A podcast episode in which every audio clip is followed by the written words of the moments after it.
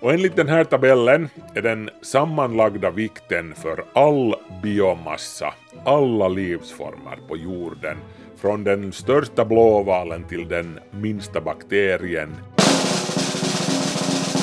550 gigaton kol.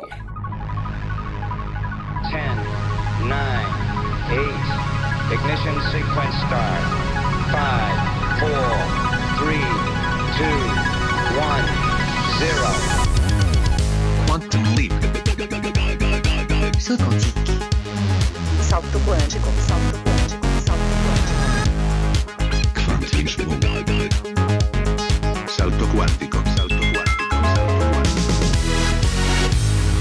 Kvantum, det du inte visste att du ville veta. Vi översvämmas dagligen av siffror, också när det gäller att beskriva oss människor.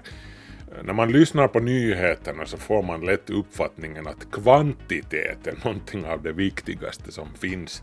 50 000 protesterade mot coronarestriktionerna i Bryssel, 150 000 ryska soldater nära den ukrainska gränsen, drygt 1,8 miljoner röstade i vårdvalet, etc. etc. Då jag gick i lågstadiet då sades det att vi är cirka fyra miljarder människor i världen, minns jag.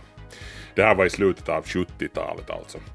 Och, och nu passerar vi strax 8 miljarder strecket. Det är nästan en miljard mera sedan 2013, mindre än tio år sedan. Då var vi 7,1 miljarder här på jorden. Enligt FNs prognos blir vi nästan 10 miljarder fram till år 2050. Grymma siffror, men vad betyder de här siffrorna egentligen? Hur mycket människor finns det egentligen här på jorden jämfört med andra livsformer? Man får ju lätt bilden av en planet som kryllar av människor och inte så mycket annat. Är det verkligen så här? Vi ska ta en närmare titt på det här i veckans kvanthopp. Till exempel, forskare vid University of Georgia i USA uppskattar att det finns fem kvintiljoner bakterier på planeten. Det är en femma med 30 nollor efter sig. Hoho. Men vad tror ni? Räcker det här till för att överträffa oss människor när det kommer till biomassa? 8 miljarder människor versus 5 kvintiljoner bakterier. Vilket väger mera? Passa på att placera era vad nu. Vi kommer snart till svaret. I det här avsnittet av Kvanthopp går vi alltså bakom kulisserna på siffrorna. Vi mäter själva livets BMI, Body Mass Index. Hur mycket är många människor? Hur långt räcker 8 miljarder i konkurrensen med de andra livsformerna? Jag heter Markus Rosenlund. Häng med, nu kör vi!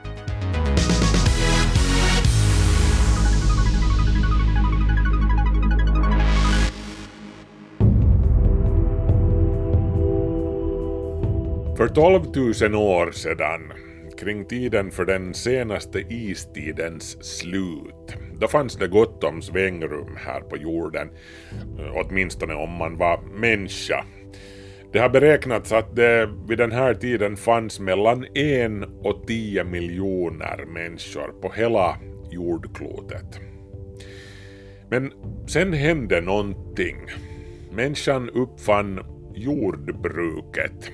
Vi lämnade den uråldriga tillvaron som nomader och började slå oss ner och, och bruka jorden.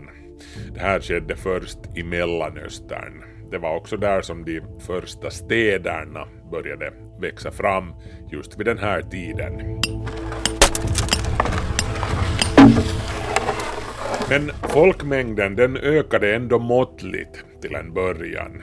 Vid tiden för vår tideräknings begynnelse bestod mänskligheten av sisådär 200 miljoner individer totalt. Drygt tusen år senare, kring år 1100 under högmedeltiden, då var vi drygt 300 miljoner. En halv miljard strecket passerade vi något tag på 1500-talet.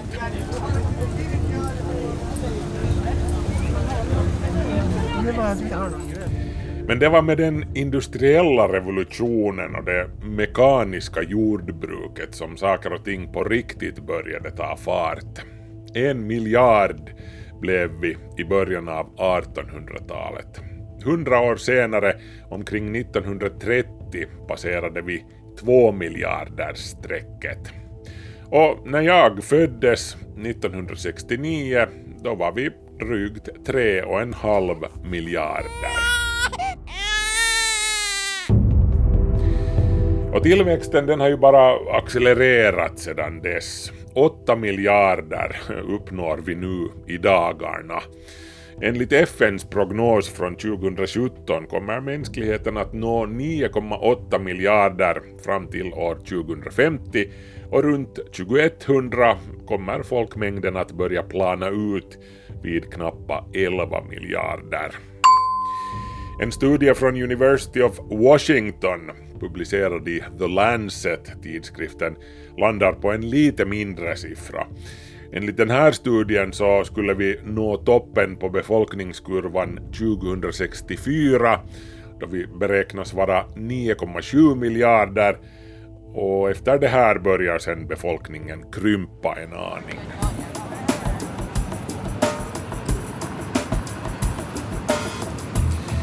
Men okej då, siffror, siffror, siffror. En miljard, det säger ju egentligen inte så mycket. Det är samma som tusen miljoner. En miljon är i sin tur sen tusen gånger tusen. Tusen människor, okej, no det, det kan jag hantera. Det är ungefär så många som Nationaloperan i Helsingfors har rum för. Inte för att jag nu har varit där så jättemånga gånger, men i alla fall 1300 personer max har jag för mig att det ryms in i Nationaloperan. Men om man riktigt skulle börja klämma in folk på relativt små ytor, hur många människor skulle man då kunna rymma i, säg nu Brunnsparken i Helsingfors? Någon kanske blir överraskad av svaret har jag på känn. Vi ska återkomma till det här också lite senare. Men först ska vi hur som helst titta närmare på hur mycket människor det egentligen finns här på jorden, mätt i biomassa. Hur mycket biomassa tar vi upp jämfört med andra livsformer? Jag menar, allt snack om befolkningsexplosion får ju lätt en att tänka att jorden formligen bångnar under alla människors massa. Till det kan jag bara säga, hmm, ja. Biomassa, det, det, brukar mätas enligt torrvikt. Vi tar bort vattnet med andra ord. Faktiskt så brukar man mäta biomassa enligt hur mycket kol det finns i en viss livsform. En människokropp till exempel innehåller cirka 18,5 procent kol. Väger du 100 kilo, då är 18,5 kilo av din vikt rent kol. Uträkningen jag citerar härnäst har jag lånat från World Economic Forum och siffrorna är från 2021. De är alltså relativt färska. Och enligt den här tabellen är den sammanlagda vikten för all biomassa, alla livsformer på jorden, från den största blåvalen till den minsta bakterien 550 gigaton kol.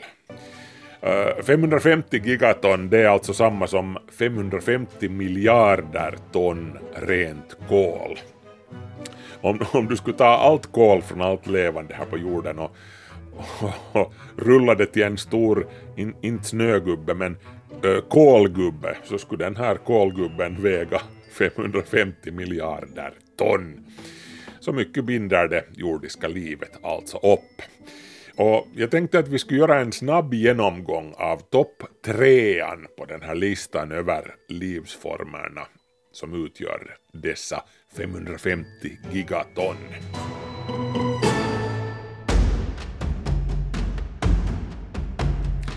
På plats ett hittar vi växterna, kanske föga förvånande. Växterna är i helt förkrossande majoritet. De står för 81,8 procent av all biomassa på jorden. Nästan 450 gigaton eller 450 miljarder ton kol. Vetenskapen känner till cirka 320 000 växtarter, av vilka de flesta, de allra flesta, upp till 290 000, producerar frön. Gröna växter levererar med sin fotosyntes en betydande del av syret som vi och det övriga livet andas här på jorden. Eh, växterna är också hörnstenen i de flesta av jordens ekosystem. Växter som producerar spannmål, frukt och grönsaker utgör också grundstenen i den mänskliga dieten och människan har odlat och förädlat växter i, i årtusenden. Växter används till byggnadsmaterial, prydnadsföremål, papper som vi skriver på och, och det ger oss våra mediciner plus vår sprit och våra droger. Det är alltså svårt att underskatta växternas betydelse med andra ord. De är planetens riktiga härskare och, och verkliga tungviktare i flera olika bemärkelser.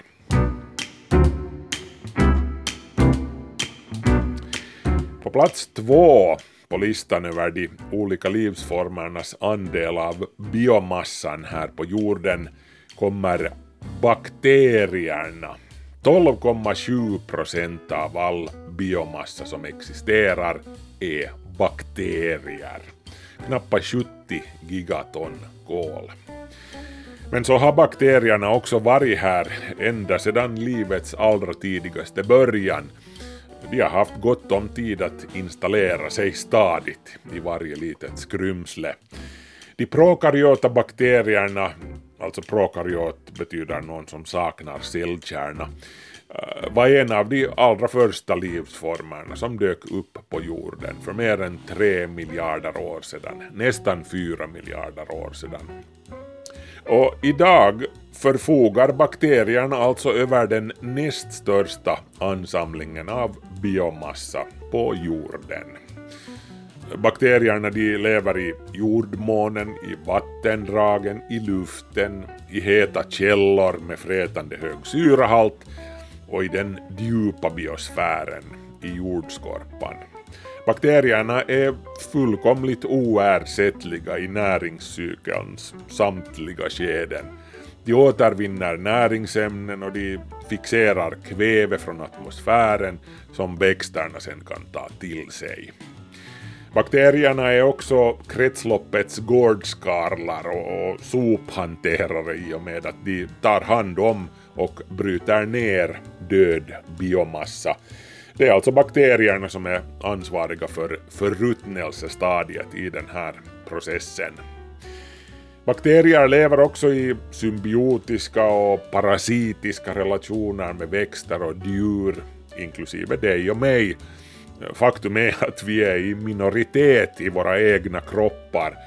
En genomsnittlig människa innehåller cirka 30 biljoner mänskliga celler och 39 biljoner bakterier. De skulle alltså kunna rösta ut dig från dig själv om de skulle vilja. De flesta av bakterierna finns i tarmen och många lever också på vår hud. Majoriteten av bakterierna som vi bär på är nyttiga eller åtminstone ofarliga. Eller så oskadliggörs de av vårt immunförsvar. Men många bakterier är också patogena och orsakar infektionssjukdomar inklusive kolera, syfilis, mjältbrand, spetälska, tuberkulos, stelkramp, rent av böldpest. De vanligaste dödliga bakteriesjukdomarna är ändå luftvägsinfektioner. Och det är där som antibiotikan kommer in i bilden. Tyvärr är ju antibiotikaresistensen ett allt större problem på våra sjukhus och annorstädes och problemet tycks bara bli större. i framtiden om vi inte är försiktiga. Forskare vid University of Georgia i USA uppskattar i alla fall att det finns sådär fem kvintiljoner bakterier på planeten jorden. Jag var inne på det här alldeles i början av avsnittet. Det är alltså en femma med 30 nollor efter sig.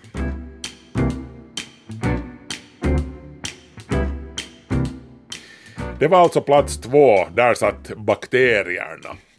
Också plats tre på den här listan över hur mycket biomassa de olika livsformerna sitter på här på jorden Äh, upptas av synbarligen ganska små organismer. Svamparna finns alltså på plats tre. De utgör 2,2 procent av all biomassa, eller 12 gigaton kol. Inte heller det här är värst förvånande att just svamparna har en så stor kollektiv matchvikt. Äh, svamparna inkluderar ju så mycket annat än kantarellerna som vi plockar om hösten. I svamparnas rike ingår också mikroorganismer i stil med gästsvampar och, och mögel. Svamparna klassificeras som ett kungarike separat från de andra eukaryota kungadömena vilka inkluderar bland annat växterna och djuren. Svamparna är alltså varken växter eller djur, de är sin egen kategori. Och det finns alltså just nu cirka 148 000 arter av svampar som vi känner till. Men en uppskattning från 2017 tyder på att det kan finnas mellan 2,2 och 3,8 miljoner arter av svampar. Varje år upptäcks omkring 2000 nya svamparter och det uppskattas att mer än 90 procent av svamparna kommer att förbli okända för oss. Precis som bakterierna återfinns svamparna mer eller mindre överallt här på jorden. Svampar kan överleva i extrema förhållanden som i öknar eller miljöer med höga saltkoncentrationer. Vissa svamparter tål hård joniserande strålning, vissa kan till och med överleva rymdens intensiva UV-strålning och vakuum.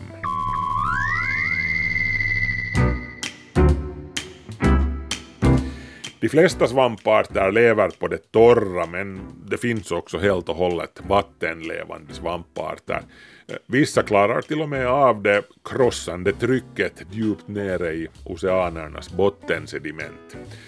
Några havslevande svamparter återfinns till och med nere vid de superheta vulkaniska djuphavskällorna vid fyra kilometers djup. Hur som helst, det här var alltså topp trean över livsformerna med den största andelen av biomassan på jorden. Växterna, bakterierna och svamparna i den ordningen. Djuren, som också inkluderar människorna, de kommer inte ens nära topp trean. Nummer tre på listan, svamparna, sitter bokstavligen på cirka sex gånger mera biomassa än alla djuren som återfinns på plats nummer sex.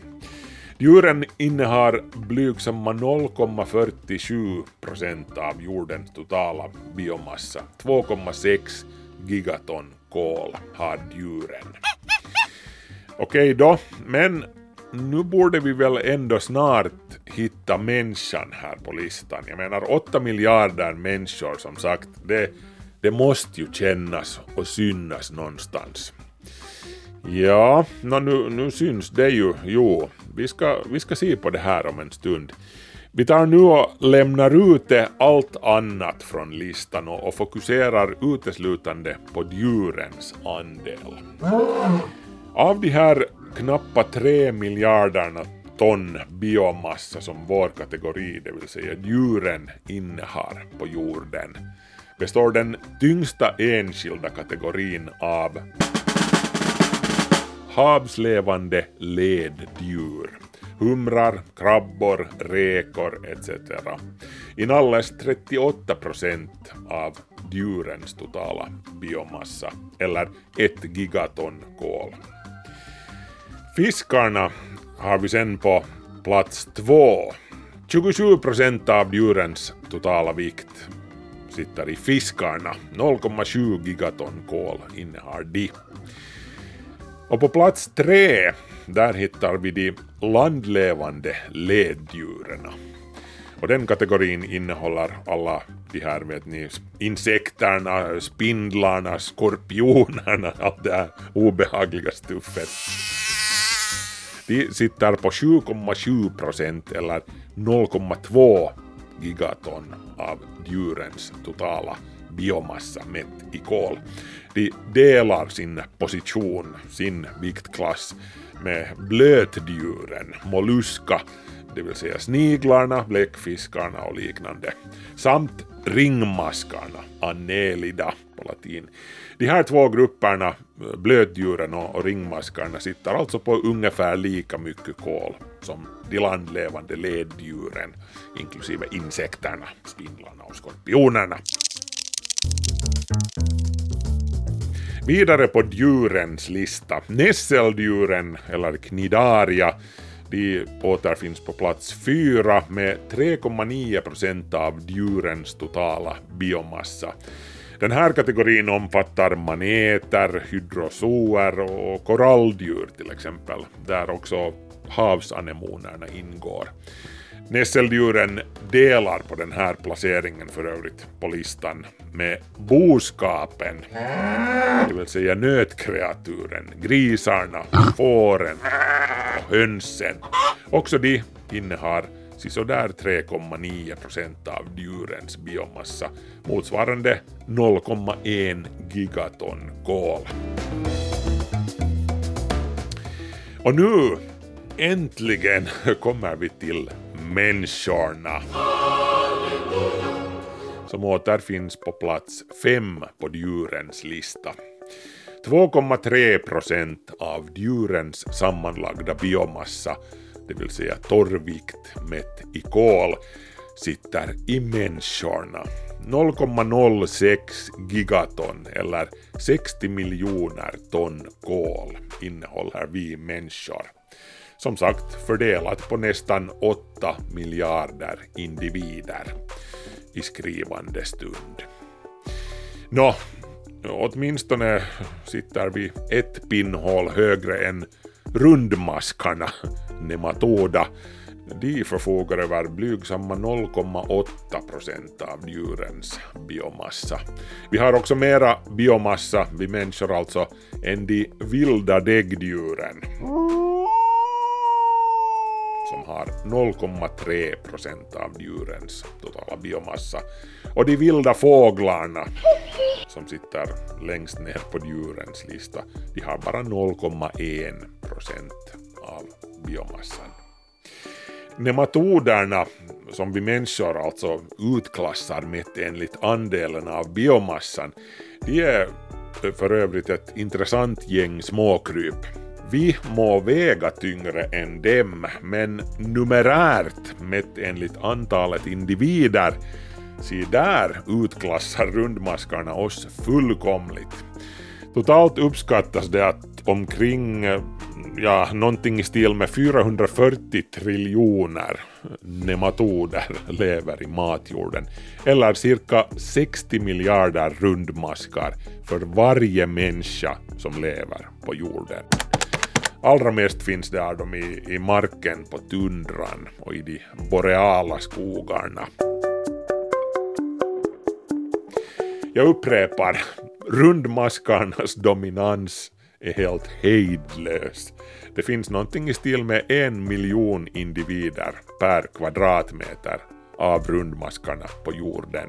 Och de står för cirka 80 procent av alla individuella djur på jorden. Det behöver knappast påpekas att de spelar en viktig roll i otaliga ekosystem. Till exempel på åkrarna, så de är viktiga för jordbruket. Men hur som helst, 2,3 procent av djurens totala biomassa, torrvikt alltså, mätt i kol, det är vad vi människor besitter, alla 8 miljarder av oss sammanlagt. Och märk väl alltså, det är vår andel av djurens biomassa det här. Vår andel av allt liv på jorden, inklusive växterna och bakterierna och svamparna och allt det där andra, är ännu mycket mindre. Bara 0,01 procent blir vår siffra då. Jag gick ju igenom topp trean över de tyngst vägande kategorierna där tidigare. Och vi kan ta en snabb repetition ännu här. Topp trean utgörs som sagt av växterna, bakterierna och svamparna. Alla de här finns det massvis mera av än djuren som kommer på plats sex. Och djuren inkluderar alltså människorna. It's one small step for man, one giant leap for mankind. Men jag kunde ju ännu nämna platserna fyra och fem så att de inte blir bortglömda för det är ganska viktiga saker här också. På plats fyra, alltså klart högre upp på listan än vi människor, har vi arkeerna som basar över 1,3 procent av all biomassa på jorden. Eh, det motsvarar alltså 7 gigaton kol, vilket är nästan tre gånger mer än vad djuren besitter. Arkeerna är intressanta och kunde förtjäna ett helt avsnitt för sig själva faktiskt. Eh, arkeerna är alltså en av livets tre stora domäner här på jorden. Och de tre domänerna är bakterier, arkeer och eukaryoter. Eukaryoter är alltså organismer som har en eller flera komplexa celler i vilka arvsmassan sitter i en cellkärna som avgränsas av ett cellmembran. Vi människor hör till eukaryoterna. Bakterier, arkeer och eukaryoter är alltså de här tre stora domänerna. Arkeerna brukade tidigare klumpas ihop med bakteriernas domän. Men modern genetisk forskning med Karl Wöse i spetsen har visat att arkeerna skiljer sig ungefär lika mycket från bakterierna som från den tredje avdelningen, eukaryoterna, och de förtjänar därför sin egen domän. Arkeer förekommer lite varstans där som bakterier också påträffas men eh, de är kanske framförallt kända för att de, de trivs i riktigt jobbiga extrema miljöer. Eh, arkeerna kan grovt sett delas in i extremofiler och normalofiler om vi säger så. Och de här extremofilerna de lever minsann upp till sitt namn med besked. De förekommer i heta källor med temperaturer ovanför kokpunkten, saltbassänger, undervattensgejsrar, kokande syra och ja, kärnavfall också.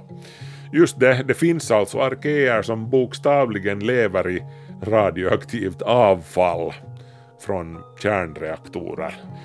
På något okänt vis har de lyckats utveckla ett skydd mot joniserande strålning som i vanliga fall skulle förstöra DNA och, och döda normala celler.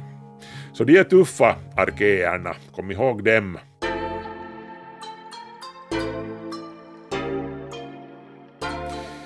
Återstår ännu plats fem, pinnhålet direkt ovanför djuren, det vill säga vår kategori. På plats fem över hur mycket biomassa olika livsformer förfogar över har vi protisterna.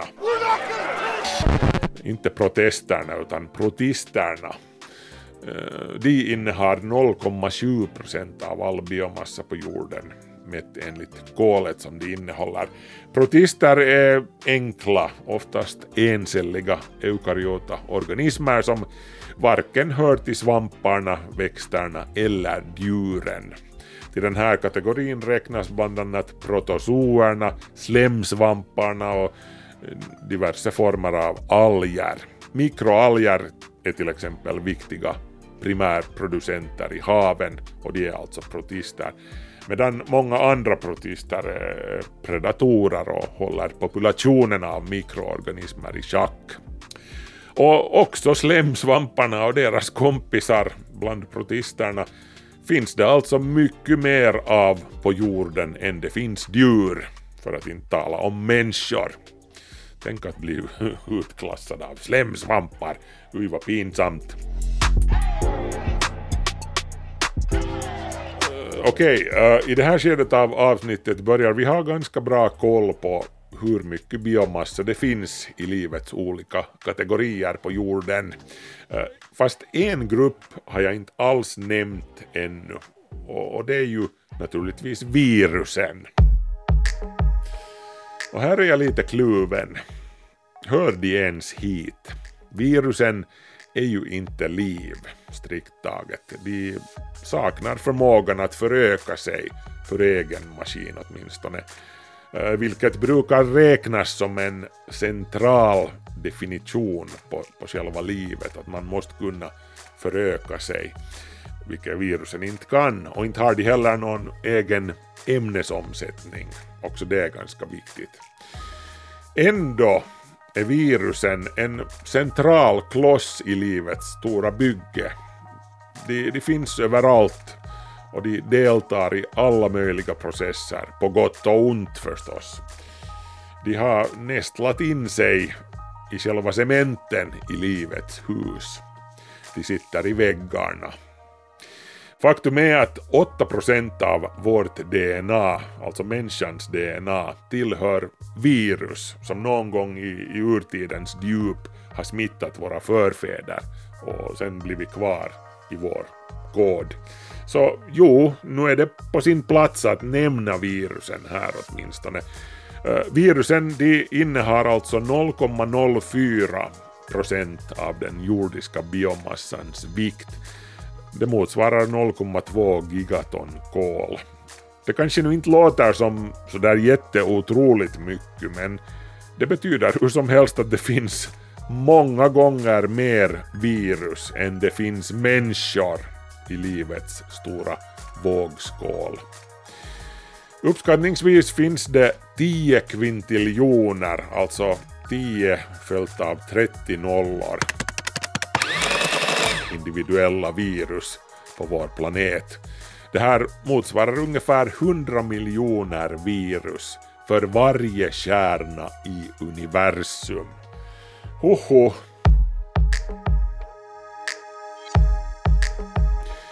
Eh, virusen de infiltrerar varenda en aspekt av den naturliga världen. De, de svävar i luften, de lurar i marken under våra fötter och och havsvattnet formligen sjuder av dem. En enda tesked havsvatten innehåller i genomsnitt cirka 50 miljoner virus. De flesta av de här virusen i, i vattnet är alltså bakteriofager som infekterar och dödar havslevande bakterier och kontrollerar tillväxten av växtplankton. Nåjo, men hur som helst, eh, nog om det här nu. Nu har vi alla fått siffror, mer än vi kan smälta på en halvtimme. Låt oss ännu ta en enkel hjärngymnastisk övning för att sätta oss själva i perspektiv. Lite tänja här till slut liksom. Eh, det bor som sagt nästan 8 miljarder människor på jorden just nu. Av dem befinner sig cirka 150 000 på den ryska sidan av gränsen mot Ukraina just nu med gevär i hand. Det här är ett, ett av de heta samtalsämnena i skrivande stund.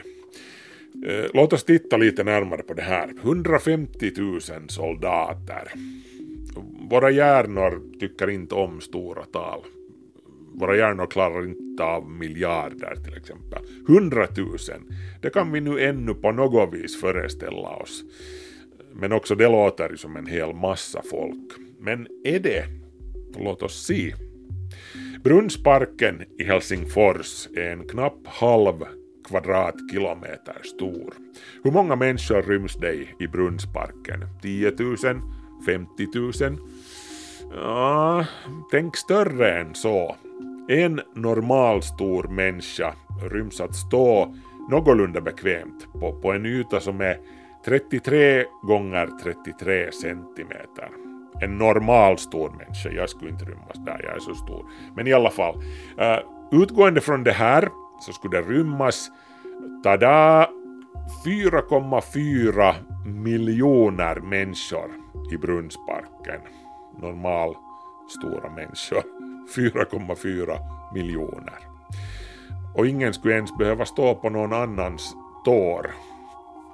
Om parken var tom så skulle den rymma hela befolkningen i Kroatien eller Oman eller Libanon, Panama, Äh, Moldavien, Uruguay, Kuwait, äh, Mongoliet eller Litauen i Brunnsparken. En hel kvadratkilometer, två brunnsparker, rymmer nästan 10 miljoner människor, befolkningen i en hel megacity.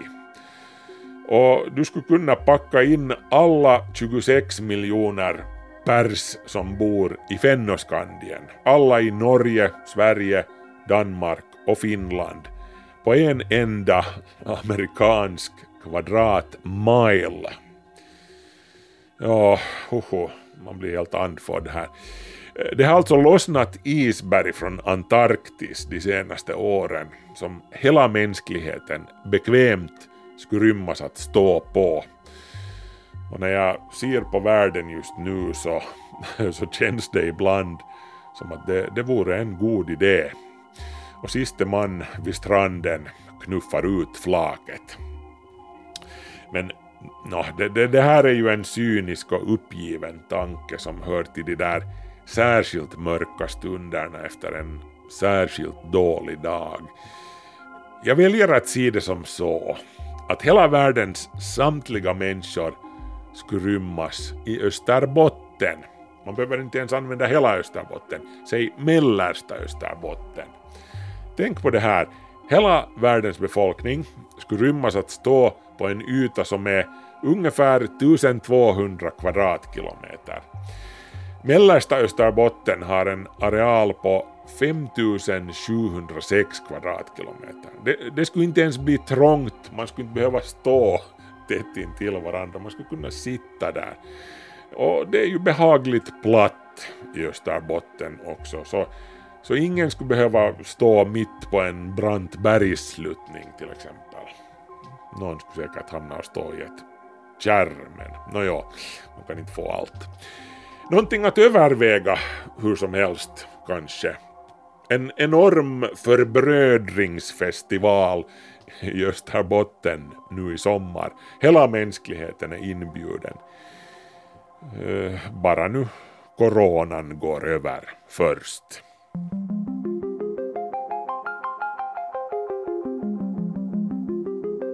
Och det var det hörni. Eh, kom ihåg att livet är mer än siffror. Livet är, är värme och det är närhet och det är, det är skratt och det är, det vet ni, no, allt det där. Musik och böcker och, och radioprogram och podcaster och ja, ni vet. Uh, Kvanthopp, den här podcasten är hur som helst slut för den här veckan. Jag heter Markus Rosenlund och jag välkomnar er åter igen om en vecka. Eh, till dess kan ni ju till exempel spendera lite tid på vår Facebook-sida. Vill ni skriva åt oss så, så går det bra via adressen kvanthopp.yle.fi eller sen via Facebook. Och på Yle Arenan hittar ni ju hela vår katalog med gamla avsnitt. Vi hörs igen om en vecka. Ha det bra, hej så länge.